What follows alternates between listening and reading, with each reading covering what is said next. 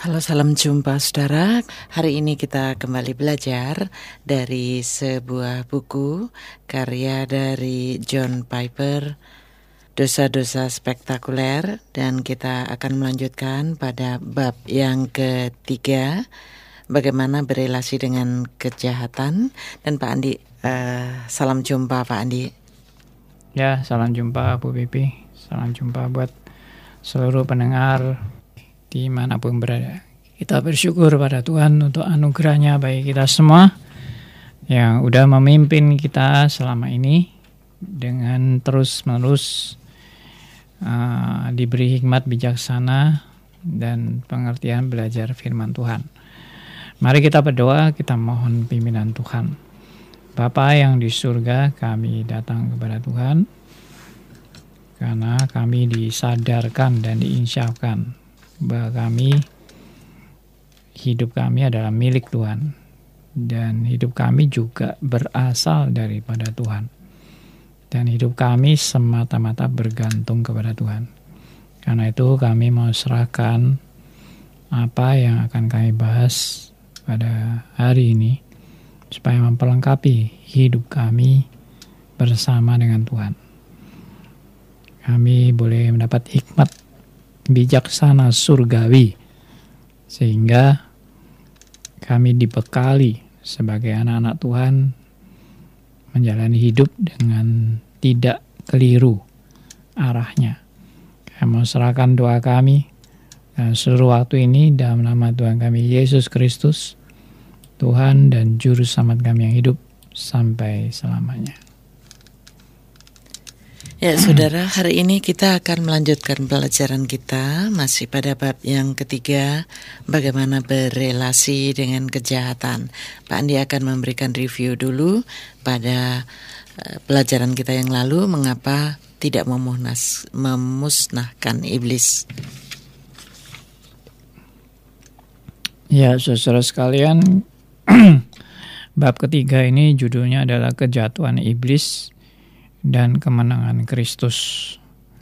Kita udah membahas berapa kali bagaimana iblis yang berperan dengan luar biasa, namun yang sudah diremukan di atas salib, ya, diremukan uh, oleh Kristus di atas kayu salib. Dan kita juga membahas mengenai uh, asal-usul iblis, bagaimana sampai bisa terjadinya iblis, dan sampai pada uh, meskipun iblis sepertinya mempunyai kuasa yang begitu hebat, tapi tetap iblis di bawah kendali Allah. Dan sekarang menjadi suatu pertanyaan, kenapa kok iblis itu tidak dimusnahkan saja oleh Allah? Ya dan kita bisa melihat justru iblis dipakai Allah untuk menjadi alat negatif Allah. Untuk justru kemuliaan bagi Allah ya. Justru untuk kemuliaan bagi Allah. Dan tentunya ini bukan kebetulan dan tentunya ini juga bukan kekeliruan dalam rencana Tuhan tapi ini adalah satu kegenapan daripada rencana Tuhan yang sempurna dari alfa sampai omega. Nah, pengertian ini harus terus-menerus uh, menjadi satu uh, satu pola uh, dan juga wawasan global pemikiran kita supaya kita tidak Eh, keluar dari koridor uh, rancangan Allah yang sempurna. Jadi kalau kita begitu misalnya ah ini bukan rencana Allah, nah itu udah udah kacau semua begitu. Pemikirannya udah kacau semua karena ini kalau bukan rencana Allah berarti ada kekeliruan dalam rencana Allah, berarti ada ada kuasa lain yang lebih hebat dari kuasa Allah. Hmm, dan uh, berarti pemeliharaan Allah yang juga kurang sempurna dan seterusnya dan seterusnya. Karena ya berarti ada perbaikan-perbaikan dalam rencana Tuhan yang sudah dirusak. Ya perlu revisi-revisi dan revisi itu bisa berulang-ulang dan kesalahan juga bisa terjadi berulang-ulang lagi di, di depan. Jadi kesalahan Allah kalau Allah sudah pernah salah sekali ya berarti bisa salah dua kali, tiga kali, empat kali, seratus kali dan juga perbaikan-perbaikan dalam rencana Allah juga bisa ratusan kali. Tapi tidak demikian. Kita menyatakan bahwa Allah itu sempurna, rancangannya tidak ada yang keliru, tidak ada kuasa lain yang bisa merusak rencana Tuhan. Jadi ini semua dalam rangka menggenapi rencananya yang agung dan mulia. Dan semua memang terjadi demi kemuliaan Allah. Ya, kalau kita lihat di Roma 11 ayat 36 itu suatu patokan bagi kita semua. Ya, Roma 11 ayat 36. Jadi segala sesuatu adalah dari Dia dan oleh Dia dan kepada Dia. Bagi Dialah kemuliaan sampai selama-lamanya. Jadi uh, segala sesuatu berarti tanpa kecuali ya. Segala sesuatu adalah dari Dia. Memang permulaan segala sesuatu ada dari Allah. Tidak ada yang tidak dari Allah. Semuanya dari Allah. Ya, sehingga juga bisa munculnya kejahatan sebetulnya juga uh, tidak langsung dari Allah, tetapi itu sudah dari sejak awalnya dan itu disebut sebagai first cause ya first cause penyebab awal yang pertama kali. Jadi kalau Allah tidak pernah memulai ciptaan apa-apa, ya nggak pernah akan terjadi kejahatan apa-apa. Ya, kalau Allah tidak menaruh pohon pengetahuan yang baik dan jahat yang dilarang untuk dimakan, ya juga nggak pernah terjadi pemberontakan apa-apa karena nggak pernah ada larangan. Jadi kalau tidak ada ular dan sebagainya, ya tidak ada malaikat yang jatuh dan sebagainya, ya tidak akan pernah terjadi kejahatan apa-apa. Nah ini semua harus kita lihat dalam perspektif yang benar. Kalau nggak benar, ya itu tadi berarti out of control. Semua ini tidak terkendali dalam dalam kendali Allah, dalam kuasa Allah, dalam pemeliharaan Allah, dalam jaminan Allah. Nah itu kacau balau kalau analisanya ini semua bukan rencana Tuhan. Oke ya, sekarang uh, kita udah membahas mengenai kenapa Allah tidak memusnahkan iblis saja. Ya memang itu tujuannya uh, iblis itu dipakai untuk menyatakan kemuliaan Allah. Alat negatif itu istilahnya. Ya, sebagai alat negatif.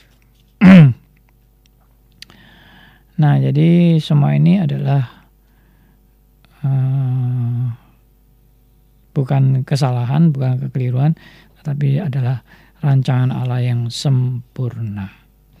Saya akan lanjutkan membaca dari bagian yang berikut, yaitu bagaimana berelasi dengan kejahatan. Maka saya akan menutup bab ini dengan pertanyaan yang mendesak dan praktis Bagaimana kita harus berelasi dengan kejahatan? Bagaimana seharusnya kita berpikir dan merasa dan bertindak mengenai kejahatan iblis? Kematian seorang anak laki-laki yang masih kecil akibat diserang seekor anjing pitbull. Kematian tiga penambang yang berani yang mencoba untuk menyelamatkan teman-teman mereka 500 orang yang tewas pada suatu peristiwa gempa bumi di Peru. Hal tersebut hanyalah sebagian dari kepedihan yang diberitakan di media pada minggu di mana saya mengkorbankan pesan ini. Dan bagaimanakah dengan kejahatan dan penderitaan yang Anda hadapi dalam kehidupan Anda sendiri? Berikut ini adalah jawaban ringkas saya. Delapan hal yang harus dilakukan terhadap kejahatan di satu sisi.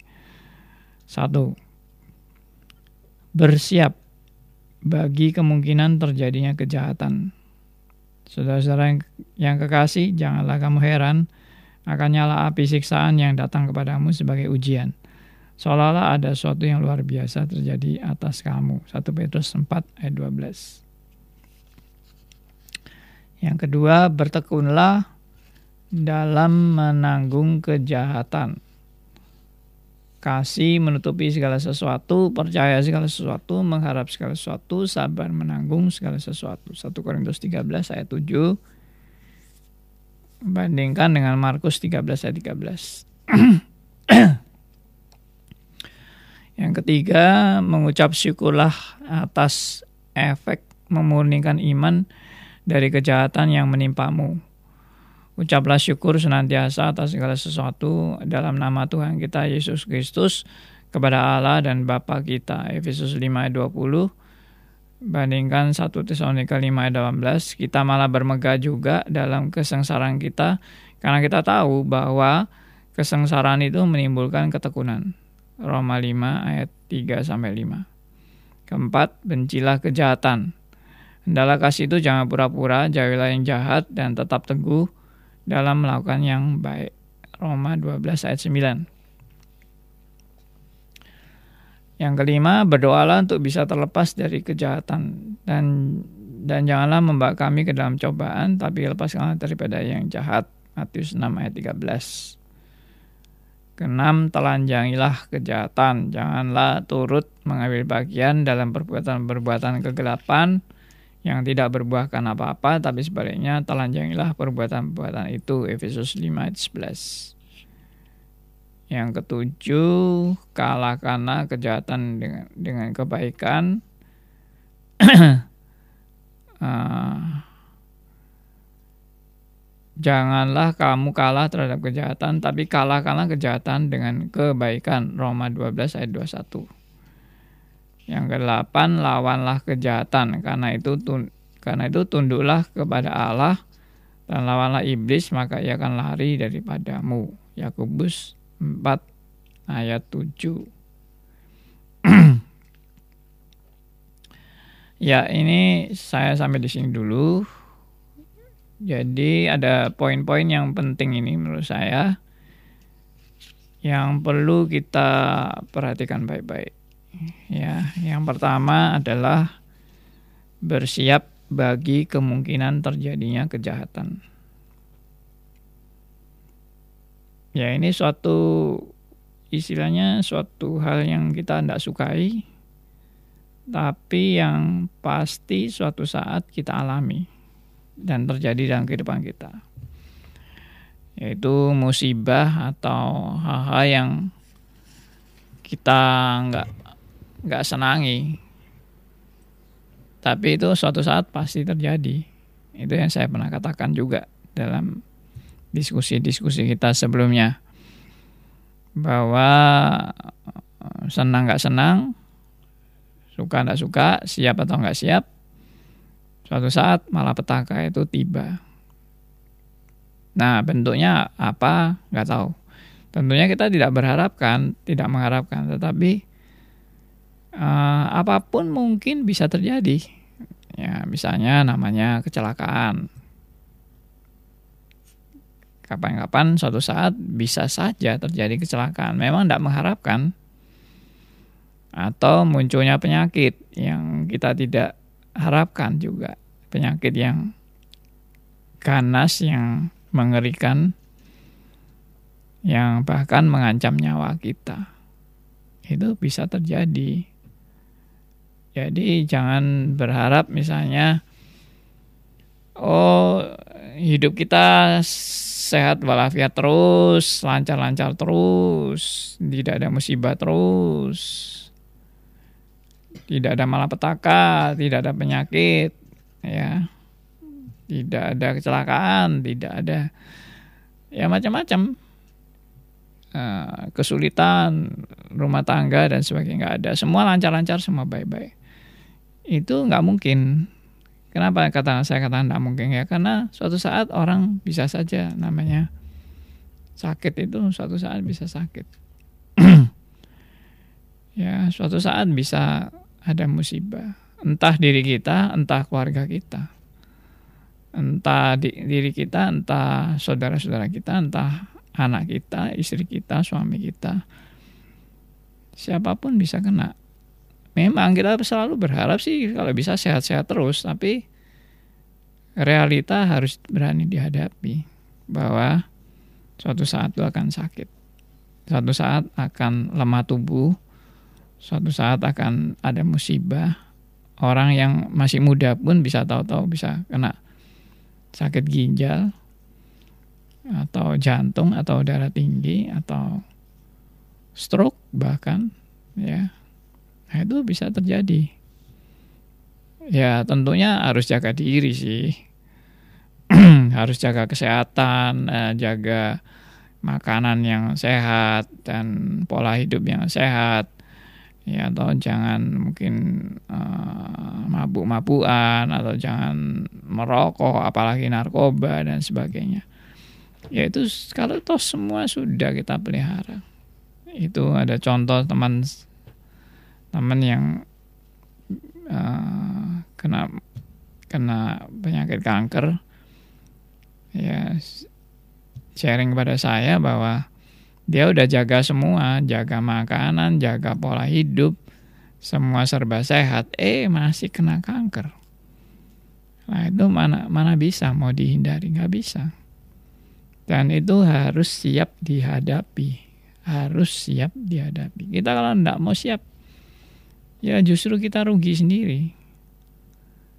Lalu kita mendoakan semoga jangan saya, semoga jangan saya, semoga jangan saya. Nggak bisa juga karena suatu saat seandainya toh hidup anda serba lancar serba sehat serba nggak pernah kena musibah serba baik-baik semua tapi suatu saat kita pasti akan mengalami malapetaka. Malapetaka yang final ya kematian kematian yang merenggut kita. Mana ada orang nggak mati?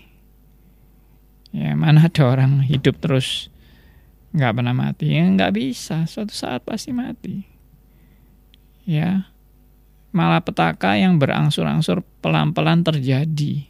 Itu juga sudah terjadi. Suka nggak suka? Apa itu malah petaka yang berangsur-angsur terjadi? Ya toh biasanya malah petaka itu mendadak terjadi. Tapi ini malah petaka yang berangsur-angsur terjadi yaitu apa? Yaitu uh, degradasi. Maksudnya uh, ya uh, apa itu namanya? Degenerasi. Degenerasi itu uh, tubuh yang makin lama makin rusak. Ya life itu before uh, uh, bukan before after 40 ya.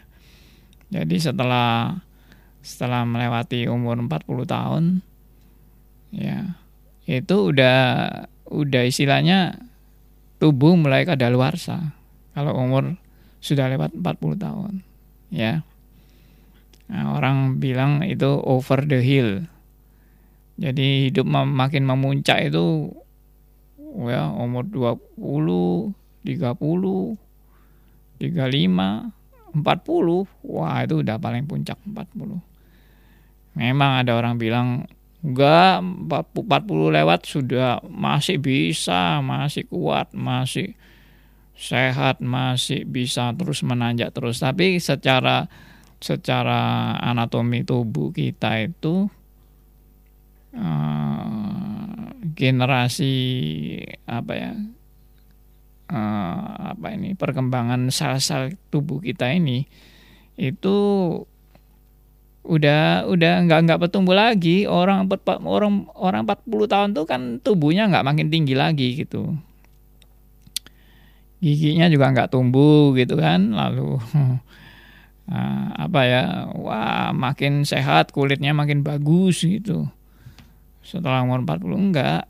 Itu uh, produksi sel sehat sama Eh, kematian sel itu udah udah mulai makin banyak yang mati daripada yang tumbuh gitu.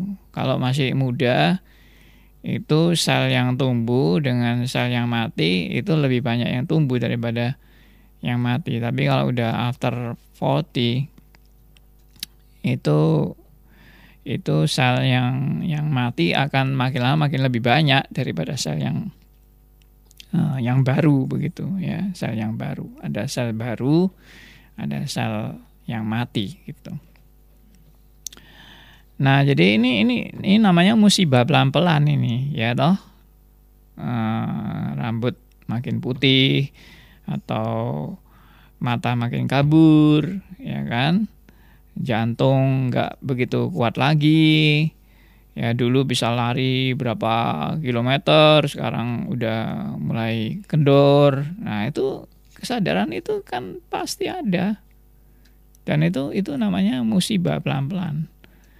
Dulu juara tenis juara dunia umur 25 30 masih juara 35 udah mulai kendor, 40 udah udah makin merosot. Jadi hampir nggak ada itu juara dunia.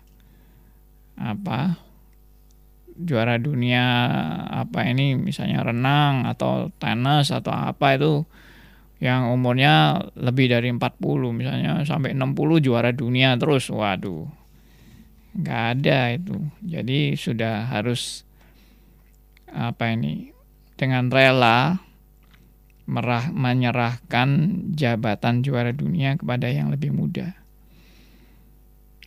Ya inilah namanya musibah dan ini harus siap dihadapi dengan legowo. Oh, dalam pengertian ya inilah emang hidup itu. Tidak ada orang yang makin lama makin muda. Orang itu ya makin lama makin tua dan tidak ada orang makin lama makin kuat. Orang itu makin lama ya makin lemah tubuhnya. Dan itu sudah tertulis di Alkitab. Ya. Bahwa manusia jasmani ini makin lama makin merosot. Itu tertulis di 2 Korintus 4 ayat 16 jadi makin lama makin merosot. Tapi ada tapinya. Nah ini poin yang ini poin yang penting ya justru kita nggak usah ribut sama tubuh yang makin lemah ini dan memang dari debu akan kembali kepada debu itu hukumnya. Tapi ada ada faktor lain yaitu manusia eh, lahiriah kami ini semakin merosot, tapi manusia batiniah kami nah itu diperbarui dari hari ke hari.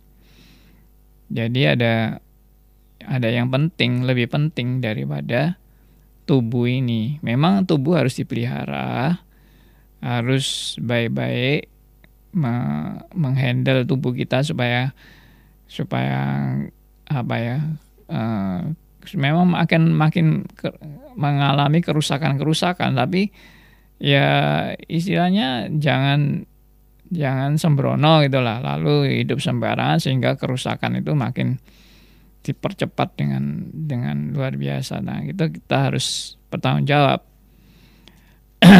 Tapi memang nggak bisa dihindari sama sekali. Nggak nggak bisa. Mau mau terhindar sama sekali dari tubuh yang makin merosot tidak bisa. Jadi Rasul Paulus pun juga menulis itu di 2 Korintus 4 ayat 16 bahwa manusia lahiriah kami ini semakin merosot tapi ada tapinya. Manusia tidak hanya terdiri dari manusia lahiriah, tapi manusia batiniah kami. Ya, manusia batiniah kami dibarui dari hari ke hari. Nah, jadi ini juga mau menunjukkan satu poin penting dalam kehidupan kita untuk berjaga-jaga pada saat uh, hal yang buruk itu terjadi dalam kehidupan kita supaya nggak kaget supaya nggak kaget dan tidak kecewa sama Tuhan lalu marah-marah lalu kenapa Tuhan saya ngalami ini? Ya toh bukankah saya sudah kerja mati-matian buat Tuhan? Kok balasannya seperti ini? Ya itu bukan balasan itu memang natur yang harus terjadi dan secara alami. Ya Tuhan bukan Tuhan membalas eh, kebaikan kita dengan kejahatan enggak tapi memang itulah suatu itulah suatu proses hidup dan itu nanti akan diteruskan pada poin-poin lain yang uh, akan melengkapi kita untuk menghadapi eh, hal-hal uh, yang memang tidak menyenangkan ini. Ya, kita ini sering kali manusia itu senang ditipu ya, senang ditipu. Wah, hidupmu makin hebat ya. Wah, makin luar biasa ya. Wah, makin kuat ya. Bubuk tubuhmu makin hebat, makin kuat, luar biasa. Kamu pasti bisa. Nah, itu sekarang musim kayak gitu. Musim uh, motivator-motivator yang membangkitkan semangat lalu mengajak orang justru melupakan kalau hidup itu sedang mengalami uh, degenerasi itu jadi mengalami sedang mengalami kemerosotan hidup itu lalu mengajak melupakan itu lalu wah ingat-ingat pokoknya hebat pasti bisa luar biasa dan sebagainya itu sepertinya suatu penipuan yang halus memang saya tahu maksudnya itu baik supaya orang bersemangat ya. Hidup itu jangan loyo. Terus jangan pesimis. Kita harus wah harus uh, tetap memandang ke depan dengan optimis, dengan bergairah dan sebagainya.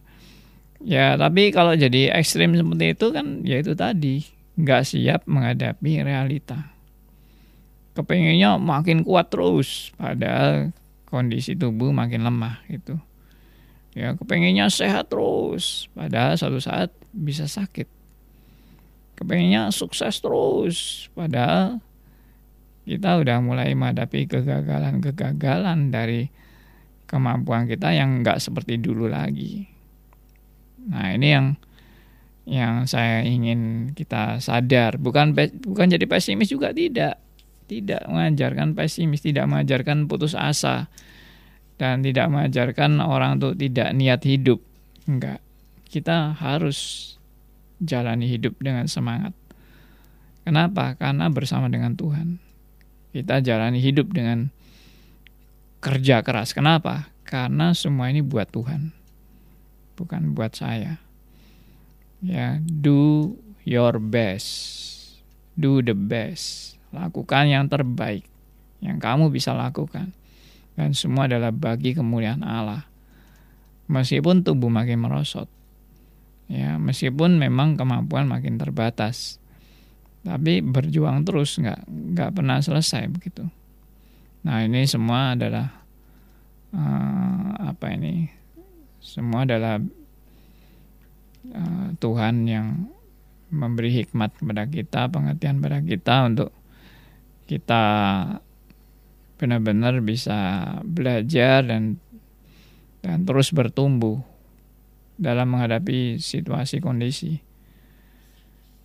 Ya, kalau kita lihat memang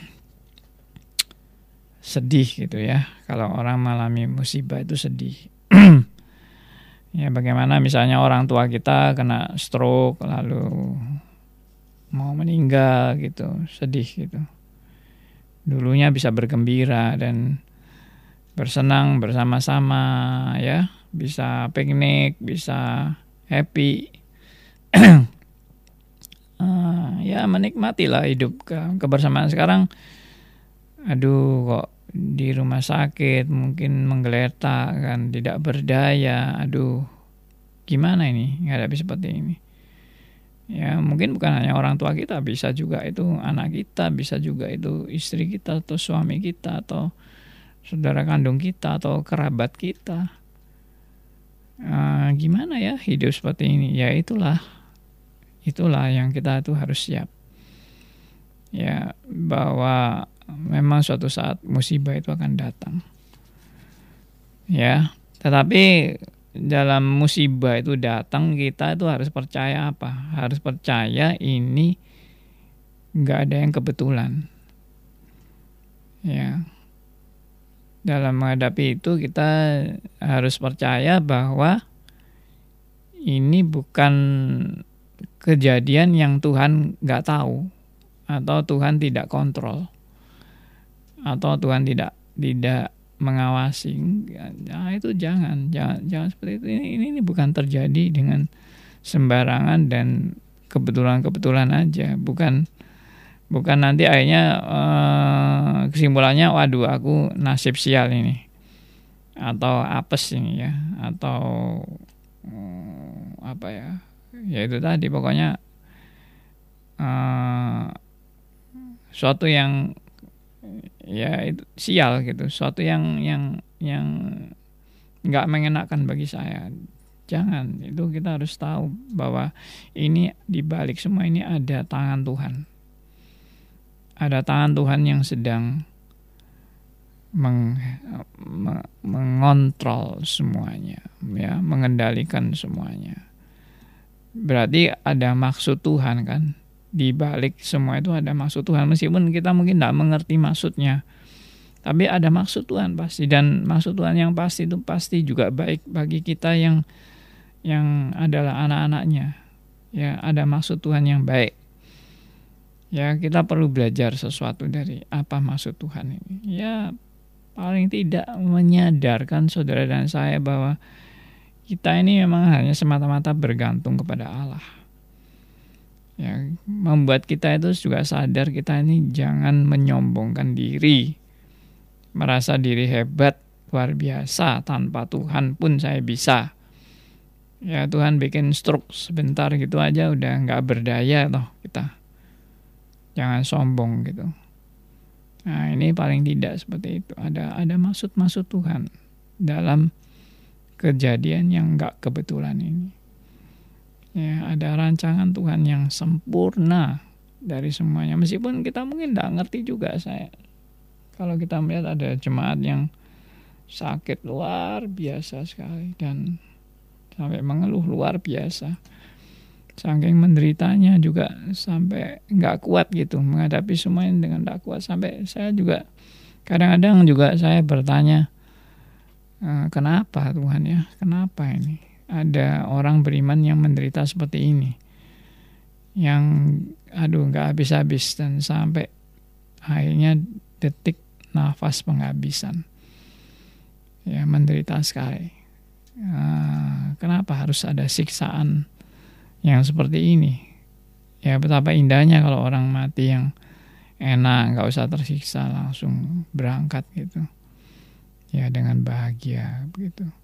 Nah itu Ah, nggak uh, ada justru kejadian seperti itu yang kita tidak jumpai. Yang kita jumpai adalah musibah-musibah yang yang menyedihkan. Tapi itu tadi yang saya bilang. Ya pasti ada maksud Tuhan. Dan mari kita justru justru sebelum mengalami ini kita belajar dulu nah itu itu itu maksud saya sebelum mengalami semua ini kita belajar dulu jadi jangan jangan tidak mau belajar dan bahkan melupakan. Enggak, enggak, enggak aku enggak mau mikir itu. Enggak, enggak, enggak, aku aku aku sudah enggak mau mikir ah, itu biarlah jauh dari hidupku. Biarkan dijauhkan, dijauhkan dan dan mikir pun saya enggak mau. Nah, itu orang yang justru enggak mau belajar, enggak mau siap. Nanti kalau dia ngalami kecewa dia. Karena apa? Enggak enggak enggak disiapkan dan tidak belajar dan tidak tidak melihat bahwa ini ada tangan Tuhan yang tetap mengasihi dia pada saat dia mengalami musibah. Ya, jadi antara sama-sama mengalami musibah, orang yang orang yang apa ini bergumul dengan kebenaran-kebenaran ya yang diingatkan Tuhan melalui firman-Nya dan orang yang nggak bergumul sama sekali dengan dengan kebenaran firman dan dan juga akan mengalami musibah. Jadi dua-dua mengalami musibah. Satunya di mengalami dengan diberi hikmat dulu, diberi pengertian dulu yang benar. Yaitu tadi misalnya uh, apa? Tidak ada yang kebetulan. Itu tadi misalnya Tuhan sedang terus mengontrol dan Tuhan tetap mengasihi kita dengan dibandingkan dengan orang yang nggak tahu kebenaran-kebenaran seperti itu bahwa ini akhirnya jadi nasib sial bagi dia ini akhirnya uh, dia merasa Tuhan itu nggak nggak apa memperhatikan hidupnya nggak nggak memberi dia yang terbaik dan sebagainya sehingga dia kecewa, dia kecewa, dia marah, dia nggak suka. Tapi yang dari satu pihak tadi justru dia belajar bersyukur, apa pun terjadi belajar bersyukur dan dan tetap percaya Tuhan pasti punya maksud yang baik. Tuhan Tuhan tidak mungkin mau menjerumuskan dan mau menghancurkan kita. Nah itu imannya pasti lebih diteguhkan daripada orang yang nggak siap ini. Lalu ngalami musibah, lalu kecewa, lalu marah-marah, lalu maki-maki Tuhan dan sebagainya. Nah itu udah udah suatu kerugian besar ya. Nah bersyukurlah kita boleh dibimbing seperti ini. Dan dalam buku yang sebelum ini Pak John Piper juga pernah mengatakan jangan sia-siakan kanker Anda. Jadi kalau Anda mengalami benar-benar kanker, jangan sia-siakan itu. Artinya jangan biarkan kanker itu lewat gitu aja. Atau jangan menjalani kanker dengan maki-maki Tuhan. Kita akan mengalami kerugian besar. Ya, justru jangan sia-siakan kanker ini apa? Berarti Tuhan tuh punya maksud dengan kanker ini. Tuhan sedang mau mau bekerja melalui kanker ini yang uh, apa kuasa dan kasih Tuhan boleh didemonstrasikan pada saat saya sedang mengalami pergumulan penyakit kanker ini. Nah itu yang luar biasa itu, itu luar biasa. Jadi tidak semua orang kanker bisa menyadari bahwa melalui kanker Tuhan ada rencana sesuatu. Biasanya orang dapat kanker itu wah ini sial, ini ini sampah ini, ini harus dibuang ini Ya, justru John Piper bilang jangan sampahkan kanker itu. Justru kanker itu akan dipakai Tuhan untuk memuliakan namanya. Wah, itu luar biasa sekali, ya. Nah, biar ini boleh jadi berkat bagi kita semua di poin yang pertama dari bagaimana berrelasi dengan kejahatan. Jadi eh, siap-siap uh, menghadapi, ya, dengan percaya dan berserah pada Tuhan dan tetap percaya bahwa Tuhan itu pasti punya maksud yang baik. Tuhan tidak pernah punya maksud yang jelek karena dia adalah Bapa kita di surga. Bapa sama anaknya pasti punya maksud yang indah. Tapi maksud yang indah itu diterjemahkan bagaimana? Nah itu yang sering kali kita nggak paham.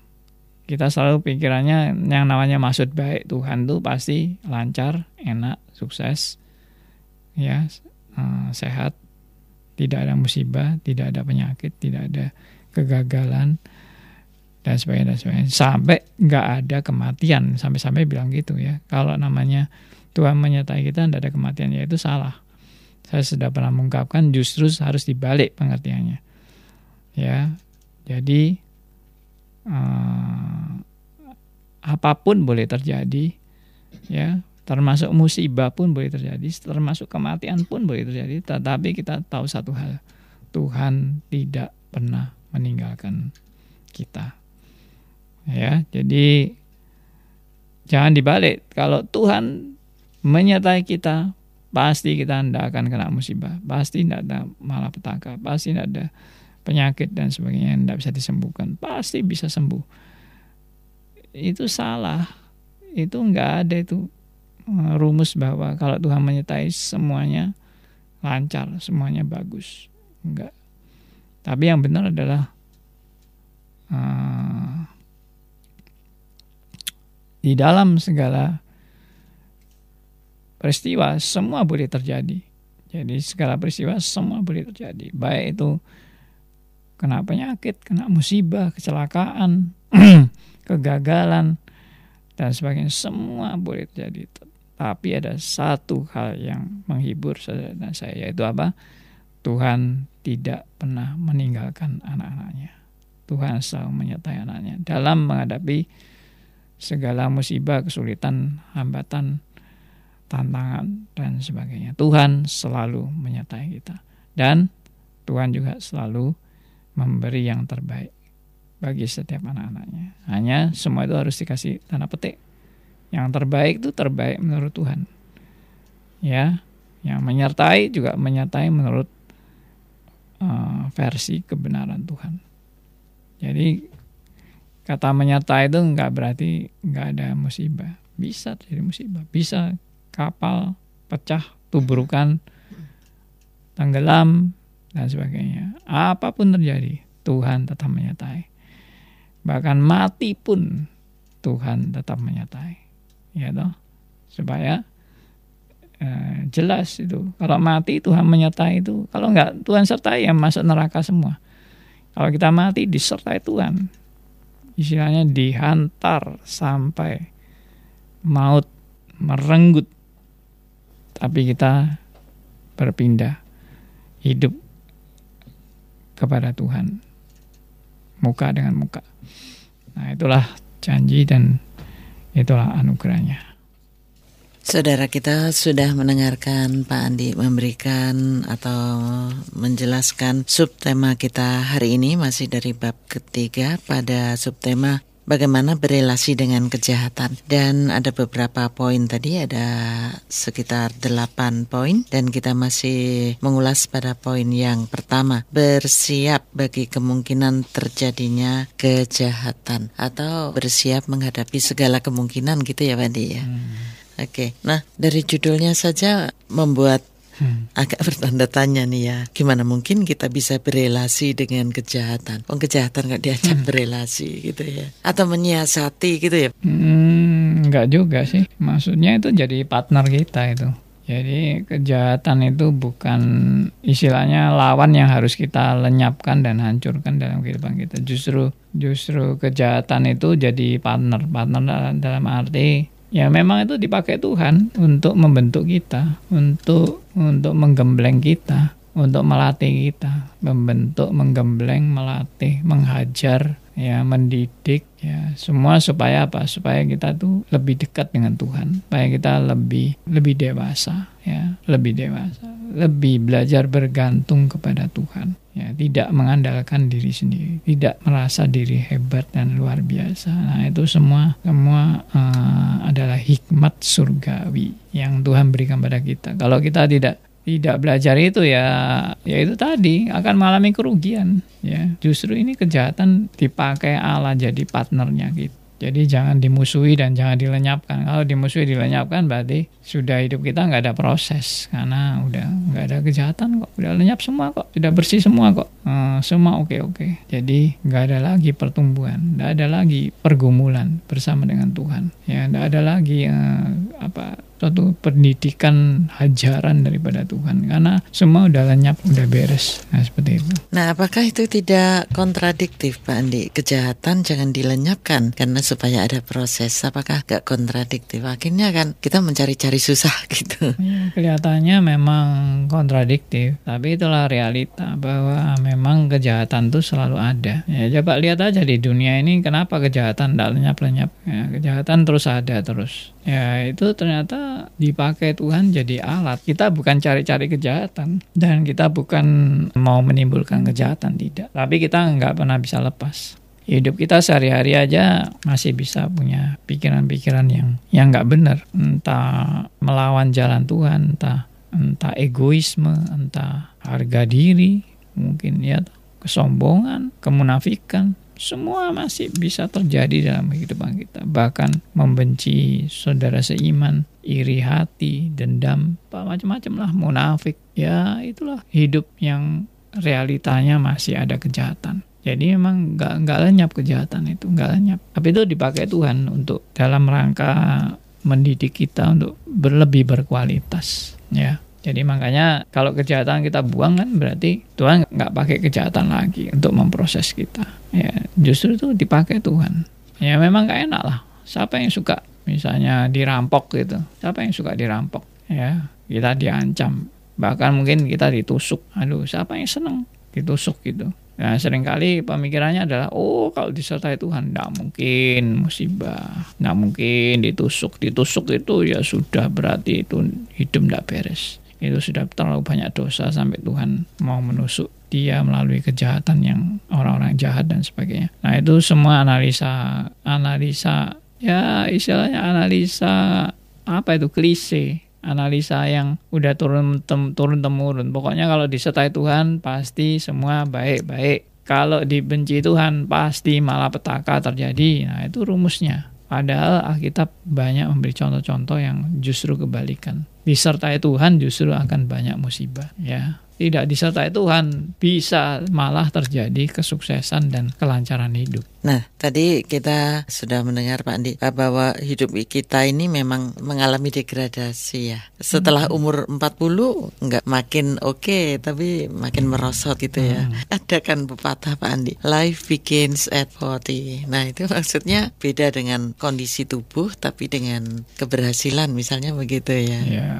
memang sih. Karena apa? Orang sudah umur 40 banyak belajar dari kegagalan, dari kejatuhan, dari hidup sembarangan. Waktu muda masih seneng foya-foya, enak-enak, mabuk-mabukan, hidup bebas. Akhirnya setelah umur 40 baru sadar, waduh semua itu ternyata kebodohan dan kesia-siaan dan dan hawa nafsu dunia anak-anak itu ya ikut-ikutan tok untuk gaya-gaya dan merasa diri hebat luar biasa. Akhirnya baru sadar umur 40 baru lebih dewasa baru lebih siap.